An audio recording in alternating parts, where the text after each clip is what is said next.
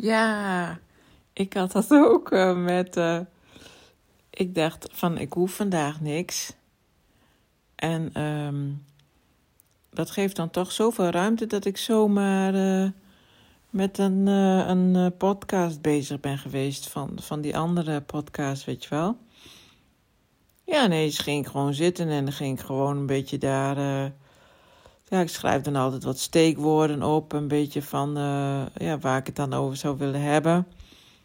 En uh, ik verzin ook gewoon, of verzinnen, maar ik bedoel, als ik dan eenmaal aan het praten ben met zo'n opname, dan komen daar ook vanzelf dan wel weer voorbeelden bij en zo. Dus ik schrijf niet alles al op, maar uh, ja, wel wat richtlijnen. Want anders dan verzand ik toch op een gegeven moment in dat ik niet meer weet waar ik ook alweer over had. En dan, dan krijg je honderd keer eu en zo.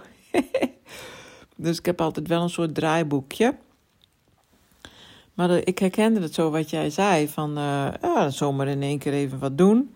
Dus eigenlijk was ik ook een beetje uh, zomaar in één keer even wat aan het doen.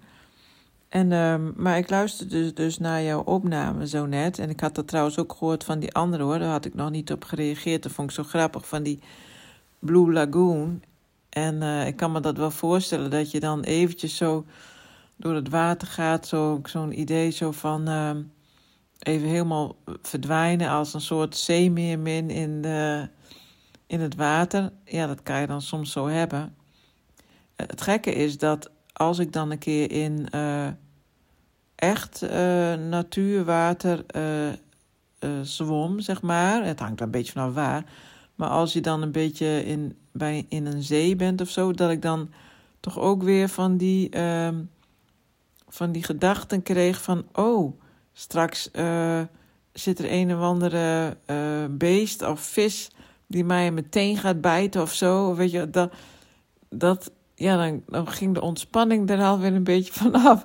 Maar dat in zo'n zwembad kan je er toch wel redelijk van uitgaan dat dat niet gebeurt. Dus dan, misschien is het nog wel relaxter. Maar goed, dat zijn allemaal weer van die uh, beperkingen van de mind natuurlijk. Hè? Dus uh, ja, het zou toch fijn zijn als je je zo vrij voelt dat je gewoon kan genieten ook van de zee, waar het in ieder geval waar het waarschijnlijk gewoon uh, veilig is om, uh, om te zwemmen. Maar goed, ja, zeg het maar. Maar en ook was het heel grappig van die uh, snurkende man. ja, en dan zie je dan maar eens voor elkaar te krijgen om, uh, om je er niet aan te, of ja, om je er niet aan te irriteren. Dat is, dat is ook echt een uitdaging om het dan toe te laten. Ja, dat is eigenlijk ook met het hele vuurwerk gebeuren. Maar ik kon het gewoon. Ja, dat, dat komt zo heftig binnen. Daar werd ik heel moe van. Maar ik was dus in een uh, huisje. Uh, midden op de Veluwe. Waar, je de, waar het dus helemaal stil was. Echt briljant. En dan um, om twaalf uur hoorde je wel wat geknal, een beetje wat verderop. Maar, um, oh, het was het wel Halla in vergelijking hier uh, met Zwolle. Dus die houden we er dan maar, geloof ik, maar eens even in. Maar goed, ik ga weer van hak op de tak. Maar ik had dus een uh, vraag over wat jij zei. Dat je dochters jou dan een wedervraag stellen. Van heb jij dan zelf zin om daar naartoe te gaan? En toen dacht ik, maar is dat dan zo dat iemand anders jou die vraag moet stellen, zodat je echt die reactie van binnen voelt? Of kun je ook zelf die vraag aan jezelf stellen? Dat, uh, dat, dat uh, is me dan nog niet helemaal duidelijk. Waarom moet dan iemand anders dat doen? Is dat dan een, is dat dan een ander gevoel? Dus dat, dat zou dus zomaar kunnen. Maar daar ben ik dan wel benieuwd naar.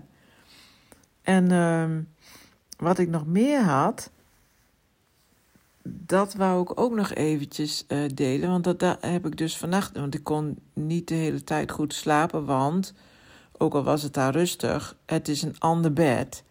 En uh, die was wat harder. En uh, dan kan ik mijn schouder op een of andere manier niet goed um, in dat matras kwijt. Dus dan gaat het zeer doen. En dan moet ik iedere keer draaien, draaien, draaien.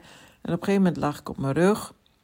En toen in één keer, waarschijnlijk omdat ik op mijn rug lag, schoot me weer te binnen dat jij had verteld van dat jij in het ziekenhuis lag met die uh, gebroken rug.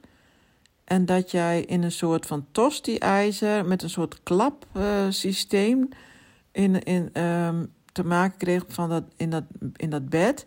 Toen dacht ik, is het dan een klapbed waarbij je dus op de rug ligt en dat je, dat je dan zo'n soort van om wordt geklapt en dat je dan een soort van op je buik ligt? Toen dacht ik, maar dat is toch helemaal niet fijn. Maar uh, in één keer had ik die vraag. Gek, hè? Dus, dus uh, nou ja, bij mij gaan dus... Ik heb misschien helemaal nooit gereageerd op die hele opname niet. Misschien ook wel, dat weet ik al niet meer. Maar soms gaan... Dat duurt dan soms zo lang voordat iets bij mij verwerkt is... en weer terugkomt in mijn systeem. Maar goed, dat snap jij inmiddels wel. Maar in één keer kwam dat klapbed mij helemaal uh, uh, weer terug in mijn hoofd.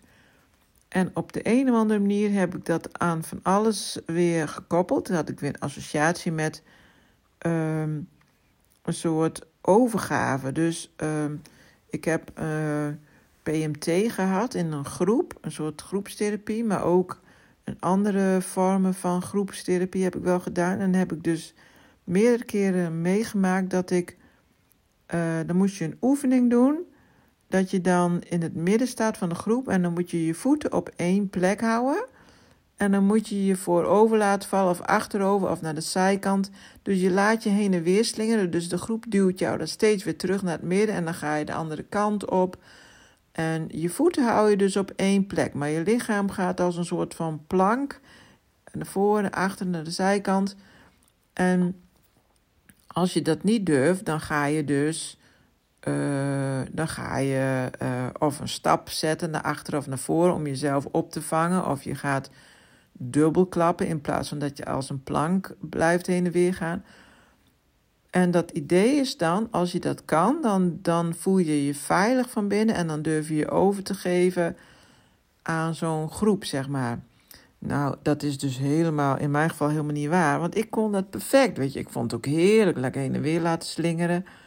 Ik heb er helemaal geen moeite mee gehad. Echt aan het begin niet en aan het eind ook niet.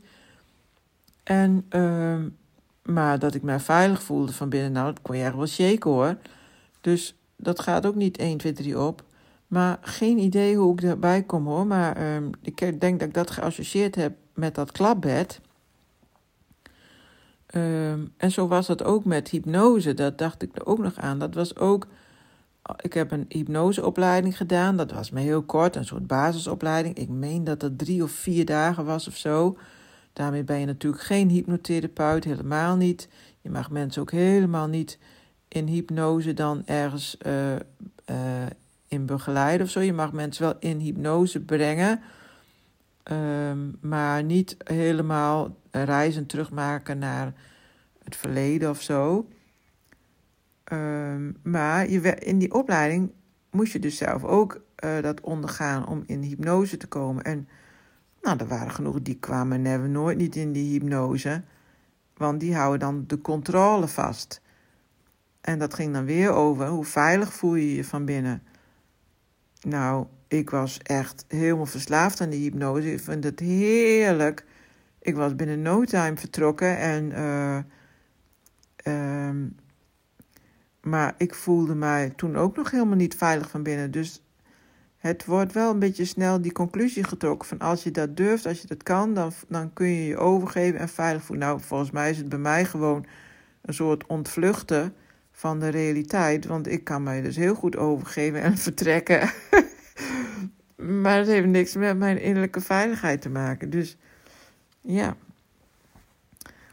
geen idee hoe dat dan allemaal werkt. Maar al die associaties had ik vannacht. Ik had er blijkbaar de tijd voor.